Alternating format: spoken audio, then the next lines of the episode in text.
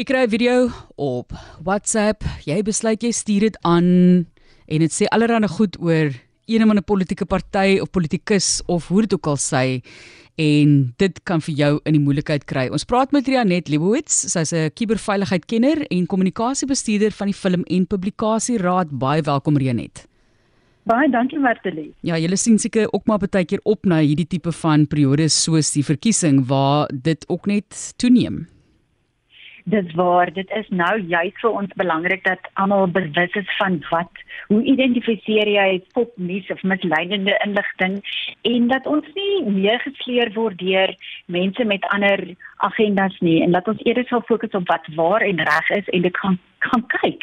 Want op die einde van die dag Ek dink ons almal het al daai boodskappe ontvang deur 'n WhatsApp wat 'n tannie of 'n oom of 'n ouma of 'n oupa of iemand vir jou stuur wat verduidelik van hierdie groot ding wat nou weer by die skool aangaan en of wat ook al dit is dit dalk dat daar nie petrol gaan wees nie. En elke keer moet ons eintlik net gou stop en dink is dit nou reg van my om dit net aan te stuur en te glo wat ek lees? Of is dit nie dalk 'n boodskap wat al 3 jaar terug die rondes gedoen het nie? Want die ongeluk van die saak is dat ons eintlik dan mekaar opsweep en chaos veroorsaak Kom ons praat oor wat die wet sê En wat presies is fop news en ek sê dit in Engels ook nou fop news fake news dat mense maar ook kan gaan oplees.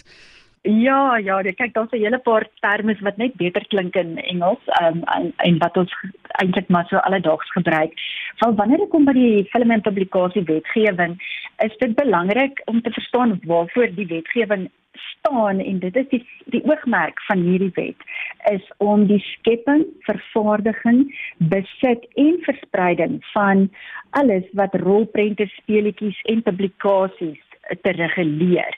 En die doelwit van dit alles en dit kom nou by wat ons nou net oor praat, is dat verbruikers ingeligte besluite kan neem rondom wat hulle kies om te kyk en wat hulle toelaat dat hulle kinders kyk. So op die einde van die dag is dit daar om ons almal te beskerm teen ehm um, veral as jy kyk na die aanlyn wêreld skadelike inhoud. En skadelike inhoud is nou alles te doen met ehm um, kinder ehm um, ek wil ek wil nou die verkeerde term amper gebruik het, maar kinderfoto's wat eintlik wys na ehm um, as ek dit mag sê in Engels child abuse images ja. en enigiets anders wat ons kan skade aanrig. Nou wanneer kom by die stopnuus of die misleidende nuus kant van dit is dit eintlik eintlik iets wat ons alledaags sien, maar ek dink ons het al geleer om te kan sien wanneer iets waninligting of propaganda is of fopnuus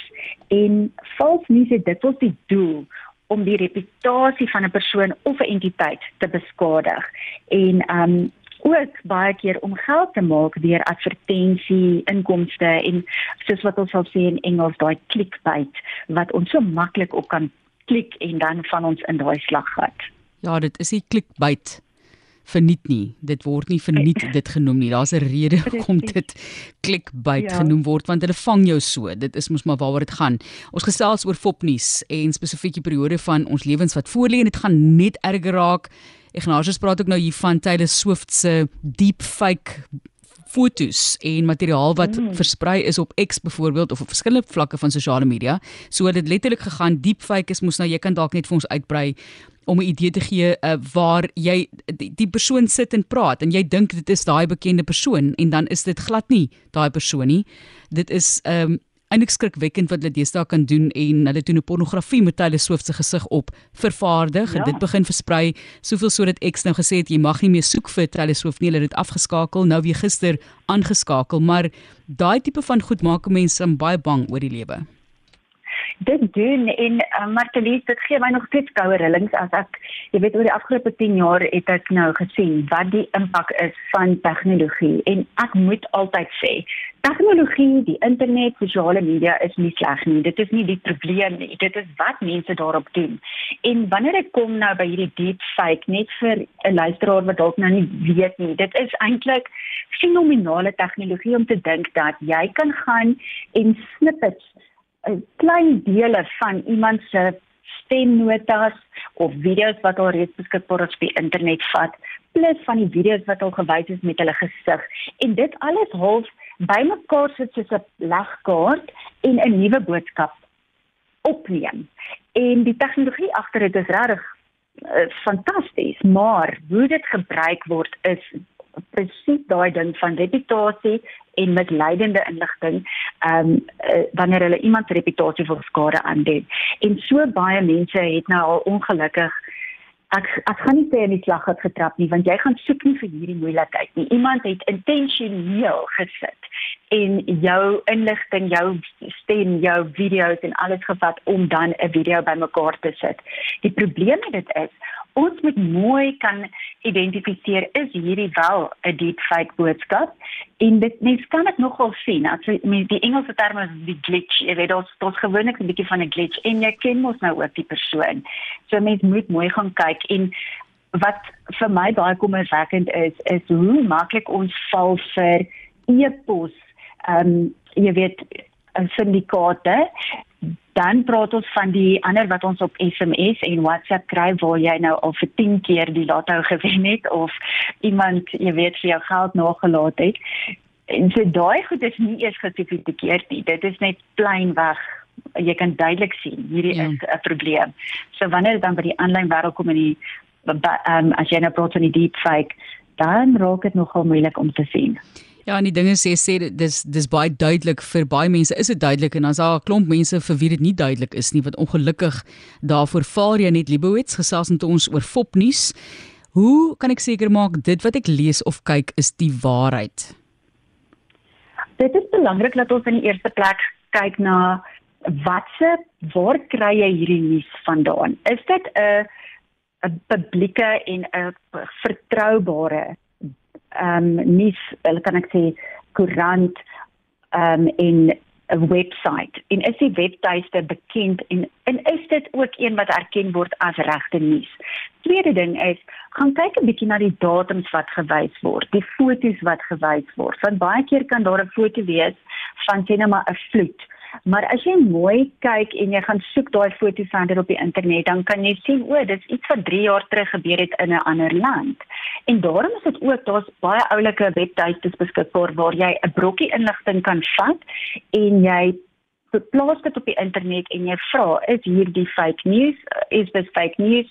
En dan gaan dit kyk op die internet waar is dit ook herhaal? En baie keer sal jy dan kan vinnige antwoord kry ja hierdie ding is nie is nie die waarheid nie. 'n ander ding wat ook belangrik is om na te kyk is die persoon wat die artikel geskryf het en ook um nie net waar dit geplaas is en wanneer nie maar vir hoe lyk die die die um spelling en die sinsbou is dit reg of is dit lyk dit gebroke daai is die tipe goeders waarna mens kan kyk en dan natuurlik ook as jy 'n WhatsApp ontvang met sê nou maar iets wat sê ehm um, daar is 'n nuwe ding wat in die skole omgang. Ryk uit na die skool en vind uit voordat jy dit net aanstuur.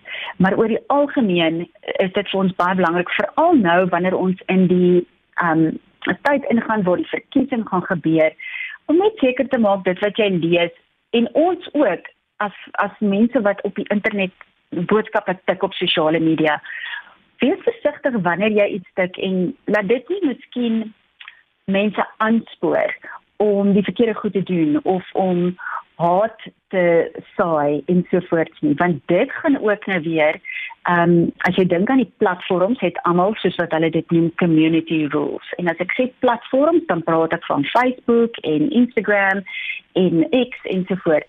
Hulle het hulle eie community rules. En ja. geen as ek die Engelse terme gebruik hate speech word toegelaat nie en propaganda en om mense te incite violence.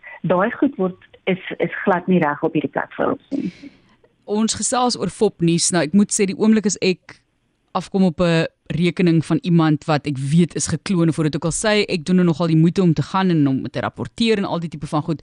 Net kortliks asseblief vir jou net eh, wat kan ons doen as ons op Fopnuus afkom en wat doen die FPB, die Film en Publikasieraad om die saak aan te spreek? Dankie dat jy vra. Dit is belangrik vir altyd in die verkiesing dat um, as iemand iets raak lees wat lyk asof dit een party um, ander een aanval of jy sien iets wat vir jou lyk soos disinformasie of disinformation of misinformation dan kan jy dit rapporteer by die Film en Public Publikasie Raad by FPB op ons webtuiste. En um, dan kan ons daarna gaan kyk. Ons doen navorsing. Ons het 'n span wat dan agter die skerms kyk wat waar kom dit vandaan. En indien nodig kan ons dan daai platform laat weet dat dit afgehaal moet word. Mens noem dit 'n take down notice. En op daai manier hoop ons om beheer toe te kan pas oor wat aangaan. Um, in die in die publieke spasie want vir ons is dit baie baie belangrik dat ons beskerm en laat mense voel daar is 'n plek waar hulle kan gaan. So dit is die een ding en natuurlik die ander deel, jy het nou net genoem Martie, van as jy iemand sien se se rekening wat dalk nou gekloon is. Asseblief rapporteer dit dadelik en laat weet daai persoon. Um dis nou nie noodwendig popnuus nie, maar dit is belangrik dat mens dan dadelik dit rapporteer en daardie persoon laat weet sodat daai persoon sê nou maar dit is my rekening wat gekloon is dat ek al my vriende en familie kan vra om dit te gaan rapporteer want dis daardie gekloonde rekeninge wat die moeilikheid veroorsaak en wat baie keer vir mense sê betaal 'n bietjie geld in ek het nou 'n bietjie verlore of allerhande goed gaan plaas wat jy definitief nie sou nie. So ja, dit is in 'n nette dop.